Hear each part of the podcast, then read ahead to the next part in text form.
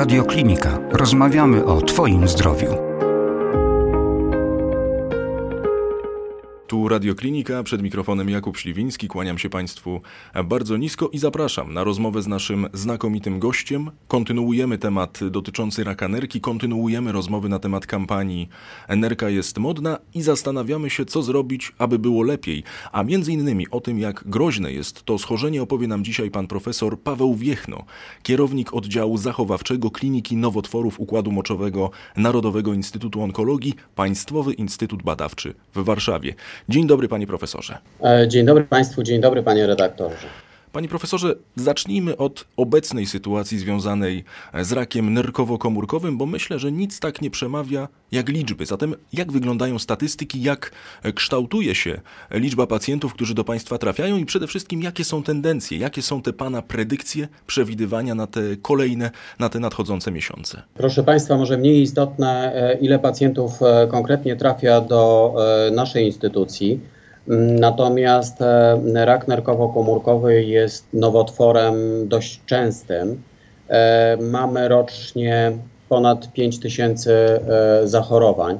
To jest naprawdę ogromna, ogromna rzesza pacjentów, którym chcielibyśmy jak najlepiej pomóc. Panie profesorze, a jak to wygląda, jeżeli chodzi o diagnostykę? Czy jest ona możliwa odpowiednio wcześnie? No i to prowadzi do kolejnego zagadnienia, czyli do pytania, w jakim stanie trafiają już do Państwa e, pacjenci? O, to jest e, bardzo trudne pytanie, zwłaszcza teraz e, w erze epidemii. Mm, niestety opieka nad pacjentami, ogólnie nad pacjentami, mm, uległa pogorszeniu. Wiemy, że dzieje się tak trochę dlatego, że pacjenci boją się zgłaszać E, do lekarzy, żeby się nie narażać na kontakt z innymi ludźmi, e, być może chorymi. To jest e, bardzo poważny problem. Ja bardzo sobie cenię również tak zwane teleporady, które, które weszły na skutek epidemii COVID. Natomiast w mojej opinii nie wszystko jesteśmy w stanie załatwić teleporadą i nie każdy pacjent powinien być w ten sposób obsługiwany przez lekarzy zwłaszcza jeżeli są mm, jakiekolwiek e, niepokojące e, objawy. E, problemem z rakiem nerki, mm, ogromnym problemem, z jakim się borykaliśmy całymi latami, jest to, że mm, rak nerki albo nie daje objawów żadnych, mhm. albo daje je bardzo późno. Krótko mówiąc, trudno tutaj mówić, proszę Państwa, powinni Państwo być uczuleni na konkretne objawy. Wtedy E, zgłosić się szybko do lekarza. Tak jak w przypadku na przykład raka pęcherza moczowego, jak się pojawi krwiomocz, to jest dzwonek alarmowy, e, powinniśmy e, szybciutko się udać do lekarza. W przypadku raka nerki niestety, niestety tak, się, tak się nie dzieje. Rak nerkowo-komórkowy przebiega niemo bardzo długo, no a później, kiedy się dołączają objawy, mm, bardzo często jest już za późno na e, mm, dobrą, efektywną, e, efektywną e, pomoc. Natomiast ogromnie krajobraz leczenia raka nerki zmieniła szeroka dostępność badań ultrasonograficznych. To jest badanie szeroko dostępne, jest to badanie niedrogie, które myślę, że warto sobie wykonywać, bo w ten sposób jesteśmy w stanie Mm, złapać niewielkie guzy, wykryć niewielkie guzy, które, które mogą być e, leczone w sposób jak najmniej kosztowny dla organizmu. Bardzo zachęcam do tego badania, bardzo zachęcam jednak o to, żeby dbać o swój stan zdrowia i pamiętać o tym, że epidemia COVID w żaden sposób e, nie zmniejszyła epidemii nowotworów e, złośliwych, co widzimy w ostatnich dziesięcioleciach. Panie profesorze, my już za chwilę sobie oczywiście przejdziemy do tego, jak przebiega ta choroba i czy rzeczywiście e, ma ona pewne cechy wspólne, czy jednak są to zupełnie indywidu indywidualne e, przypadki, ale powiedział pan, że no trudno jest wykryć jakiekolwiek objawy, jakiekolwiek e, symptomy, zatem mam rozumieć, że pacjent może się o tym schorzeniu dowiedzieć zupełnie przypadkowo i że nie ma takiego katalogu tych cech, tych symptomów, które właśnie się objawiają przy okazji raka nerki, więc no, pytanie, no jak z tym walczyć?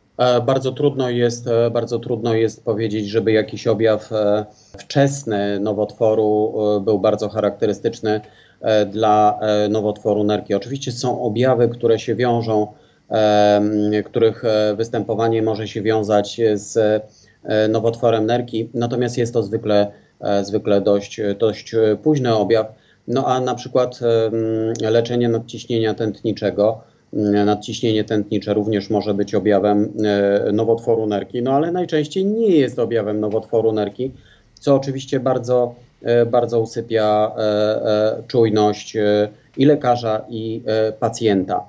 Tak naprawdę badania obrazowe i USG szeroko dostępne to jest potężny oręż w naszych rękach obecnie. Minimum raz w roku, czy więcej? E, nie ma takich dokładnych zaleceń, jak często powinno się wykonywać to badanie. Nie ma również e, procedur screeningowych e, dla raka nerki. Screening, czyli aktywne poszukiwanie nowotworu, programy szeroko zakrojone poszukiwania konkretnego nowotworu. I mamy takie nowotwory, w których, w których takie działania screeningowe mają głębokie uzasadnienie. Niestety w przypadku raka nerki takiego programu nie mamy co nie znaczy, że, e, że późniejsze nasze e, dociekania nie przyniosą nam odpowiedzi, że jednak takie badanie e, warto robić, ale to są badania bardzo duże, bardzo duże badania populacyjne, które dopiero przynoszą, przynoszą odpowiedzi.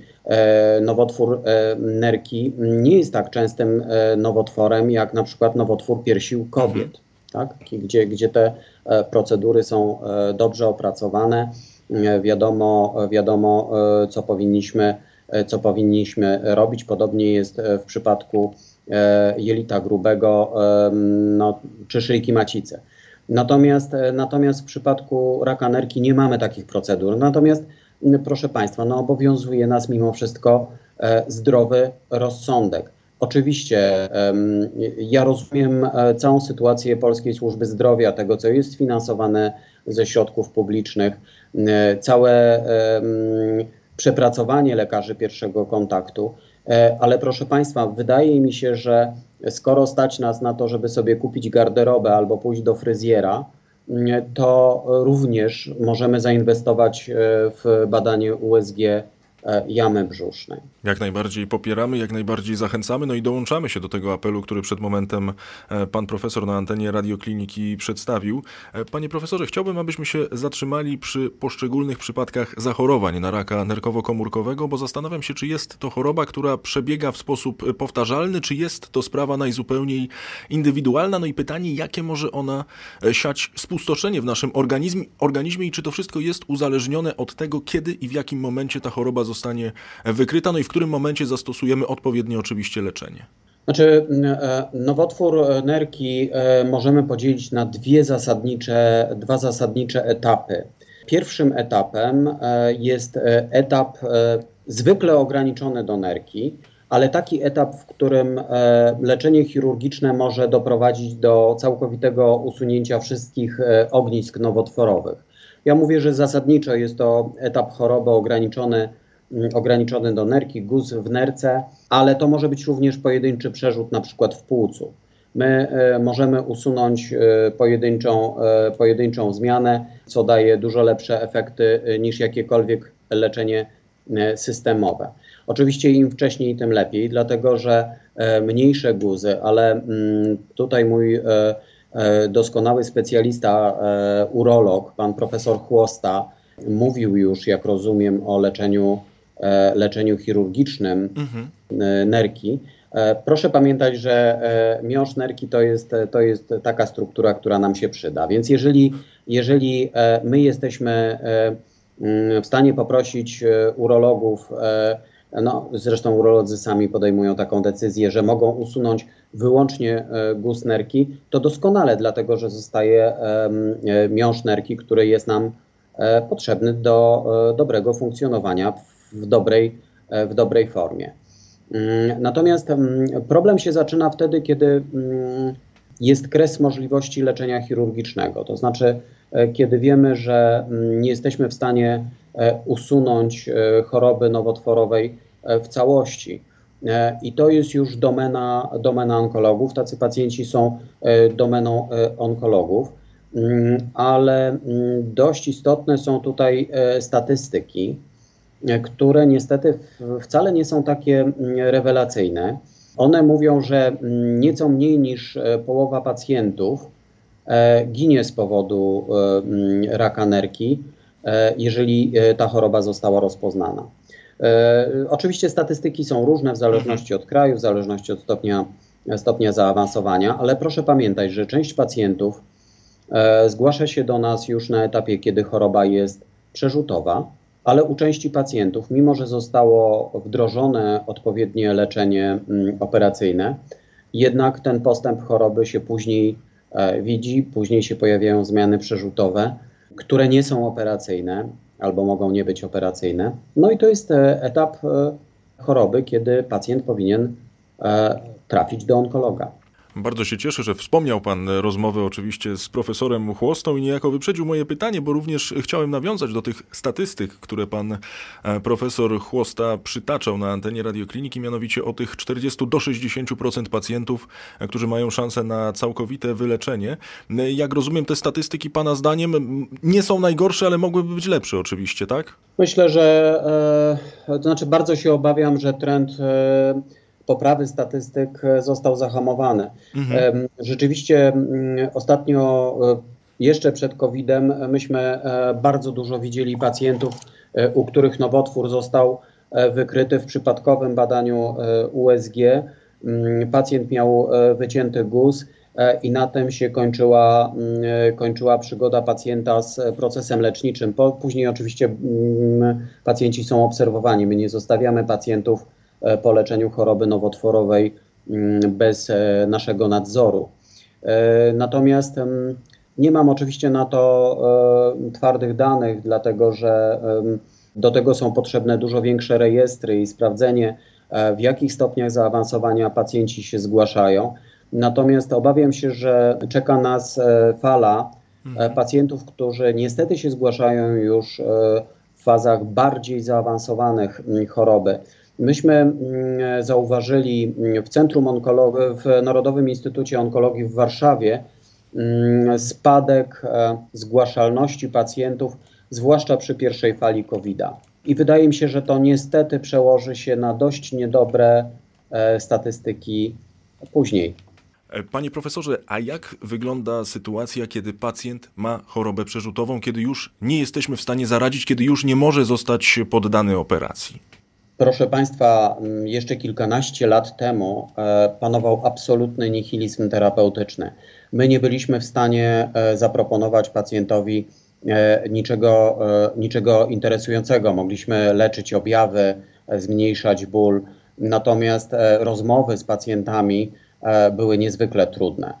Później się pojawiło leczenie immunologiczne pojawiło się leczenie immunologiczne interferonem. E, proszę Państwa, interferony to są takie mm, substancje, które się wydzielają e, między innymi wtedy, kiedy łapiemy przeziębienie czy grypę. I są odpowiedzialne za mm, wiele objawów przeziębienia czy, czy grypy, czyli bóle kostne, gorączkę, no, zły nastrój, osłabienie ale myśmy w ten sposób leczyli, wywołując tego typu, e, tego typu objawy. Ja bardzo nie lubiłem tego typu leczenia, dlatego że e, miałem takie poczucie, że bardzo pogarszam e, jakość życia pacjenta, chociaż wtedy już wiedzieliśmy, że takie leczenie wydłuża życie pacjenta. No a potem się pojawiły bardzo ciekawe leki.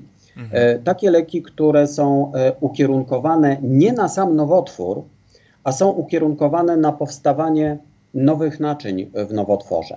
Proszę sobie wyobrazić, że my dość skutecznie jesteśmy w stanie zablokować powstawanie nowych naczyń. E, jaki jest tego efekt? No, efekt tego jest taki, że komórki nowotworowe, guz nowotworowy nie dostanie odpowiedniej ilości substancji odżywczych i nie będzie się rozwijał. E, I e, tego typu leczenie, mm, tak zwane leczenie inhibitorami kinas, wyparło stare leczenie immunologiczne. E, absolutnie odeszliśmy od tego leczenia, zaczęliśmy je uważać za leczenie historyczne, a potem immunoterapia wróciła w wielkim stylu.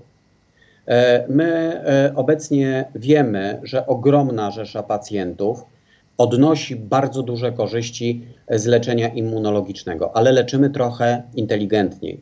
Przede wszystkim wykorzystujemy wiedzę, którą pozyskaliśmy dzięki pracą nagrodzonym Nagrodą Nobla, więc proszę pamiętać, że to jest naprawdę duże osiągnięcie. Mianowicie wiemy, że nowotwór potrafi nad sobą roztoczyć parasol ochronny. Powiedzieć, proszę mnie nie ruszać naciekającym limfocytom, czyli tym komórkom, które które rozpoznają nowotwór, a rozpoznają nowotwór, tylko nic nie są w stanie mu zrobić. I krótko mówiąc, wprowadzenie tych leków wpierw do leczenia drugiej linii, czyli, czyli na późniejszych etapach, a potem przesunięcie tego leczenia na wcześniejsze linie, jest po prostu leczeniem e, jak najbardziej skutecznym. My potrafimy blokować tą niedobrą rozmowę między tkanką nowotworową e, a mm, limfocytami. No i super by było, żebyśmy mieli szeroki dostęp e, do terapii finansowanych ze środków publicznych, o co zawsze bardzo mocno apeluję, bo nie wszystkie terapie są dostępne. No ale mam nadzieję, że to się zmieni e, w najbliższych miesiącach. Panie profesorze, a jakie są widoki właśnie, żeby to się zmieniło? Proszę Państwa, z naszej strony, e, ze strony ekspertów, to jest przygotowanie, przygotowanie zaleceń polskich E, I takie zalecenia polskie mm, zostały e, wraz e, z polskim, we współpracy Polskiego Towarzystwa Urologii i Polskiego Towarzystwa Onkologii Klinicznej przygotowane. Jak Państwo widzicie, my umiemy współpracować ze sobą. Więc tego typu, tego typu wspólne stanowisko towarzystw zostało, zostało opracowane. No teraz jest kwestia, mm, teraz jest kwestia oczywiście e, e, finansowania tego leczenia, co jest oczywiście kwestią bardzo trudną i trochę poza e, naszą kontrolą środowiska medycznego. No to już są rozmowy, rozmowy mm, firm farmaceutycznych z tym, kto finansuje to leczenie, czyli, czyli z przedstawicielami państwa polskiego. No i kwestia oczywiście ceny tego, te, tego leczenia, bo to leczenie potrafi trwać długo i być kosztowne. Panie profesorze, a jak wygląda współpraca na linii onkolodzy a urolodzy, jeżeli chodzi o temat y, raka nerkowo-komórkowego? Mam rozumieć, że to wszystko przebiega płynnie, no bo tak jak również tutaj nawiążę do rozmowy niedawnej z profesorem Chłostą, który wspomniał, że lekarzem dedykowanym do rozpoznania, leczenia, prowadzenia pacjenta z rakiem nerki jest właśnie urolog. Czyli mam rozumieć, że panowie niejako sobie przekazujecie pacjentów już na tym odpowiednim stadium? Jak to wygląda? To nawet nie tyle przekazujemy mhm. sobie, co działamy w zespole. E, proszę, e, proszę pamiętać o tym, że e, my jesteśmy najbardziej efektywni wtedy, kiedy działamy w zespole. Ja już między innymi mówiłem o tym, mhm. że wspominałem rolę lekarzy pierwszego kontaktu. Pacjenci się nie biorą znikąd. Zwykle to lekarz pierwszego kontaktu jako, jako pierwszy zauważa coś, co może mu się kojarzyć z nowotworem E, nowotworem e, nerki. E, później rzeczywiście wiodącą rolę odgrywa urolog, dlatego że urolog leczeniem operacyjnym po pierwsze potwierdza chorobę, zwykle jest to leczenie operacyjne, rzadziej jest to biopsja, ale to w bardzo szczególnych, szczególnych stanach, ustala rozpoznanie. To urolog jest tym lekarzem, który ma szansę zaoferować pacjentowi całkiem spore, e, spore mm, możliwości e, wyleczenia, wyleczenia z tej choroby. Zwykle również e, urolog powinien obserwować. To można dyskutować, czy, czy onkolog sprawnie obserwuje, sprawnie obserwuje pacjenta po leczeniu, po leczeniu urologicznym.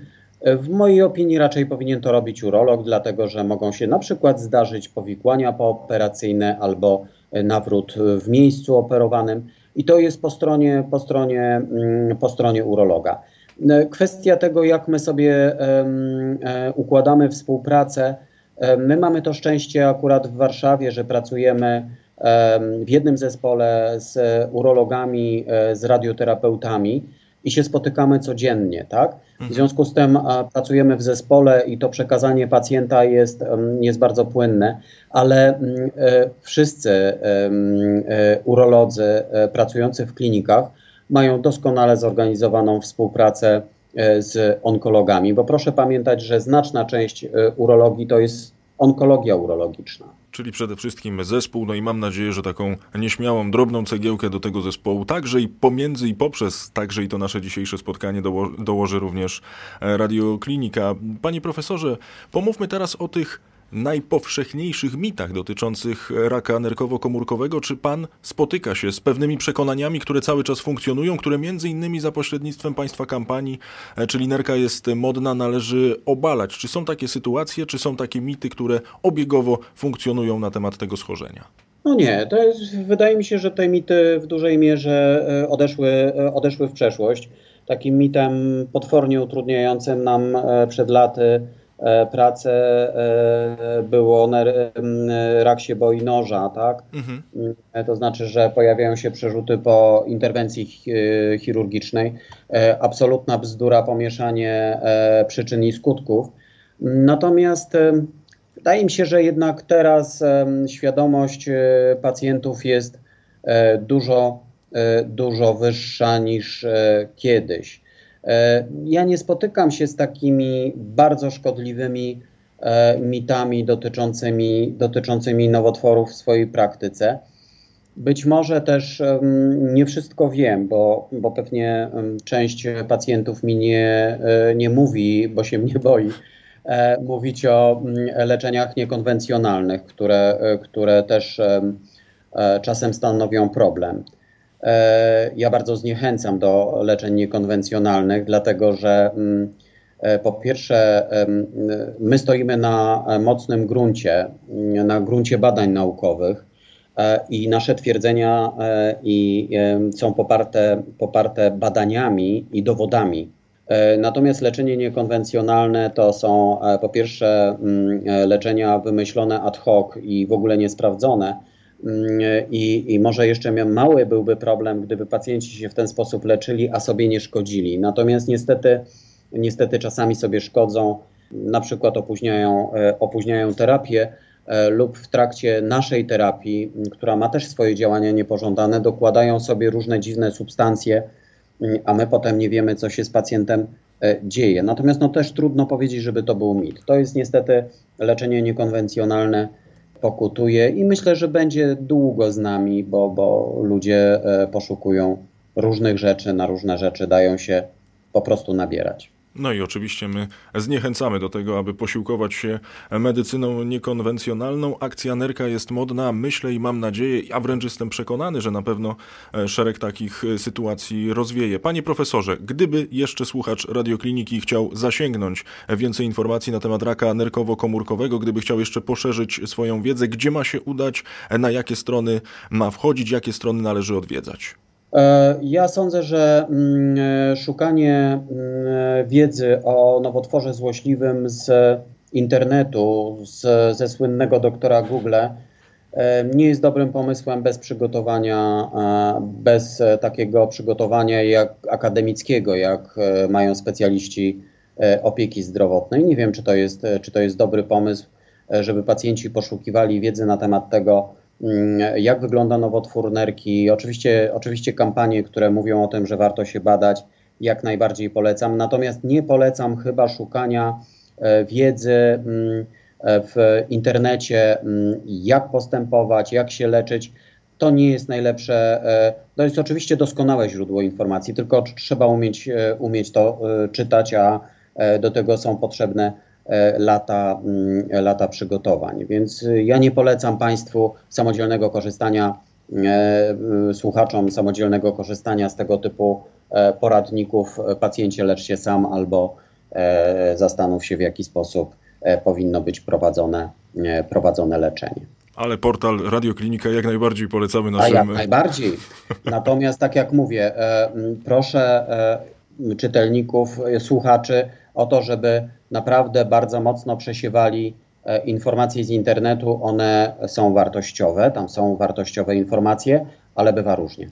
I z tym apelem Państwa pozostawiamy i ogromnie dziękujemy. Gościem radiokliniki był pan profesor Paweł Wiechno, kierownik oddziału zachowawczego Kliniki Nowotworów Układu Moczowego Narodowego Instytutu Onkologii, Państwowy Instytut Badawczy w Warszawie. Panie profesorze, wielka, ogromna przyjemność. Bardzo, bardzo serdecznie dziękuję. Również pięknie dziękuję. Więcej audycji na stronie radioklinika.pl i w naszej aplikacji mobilnej.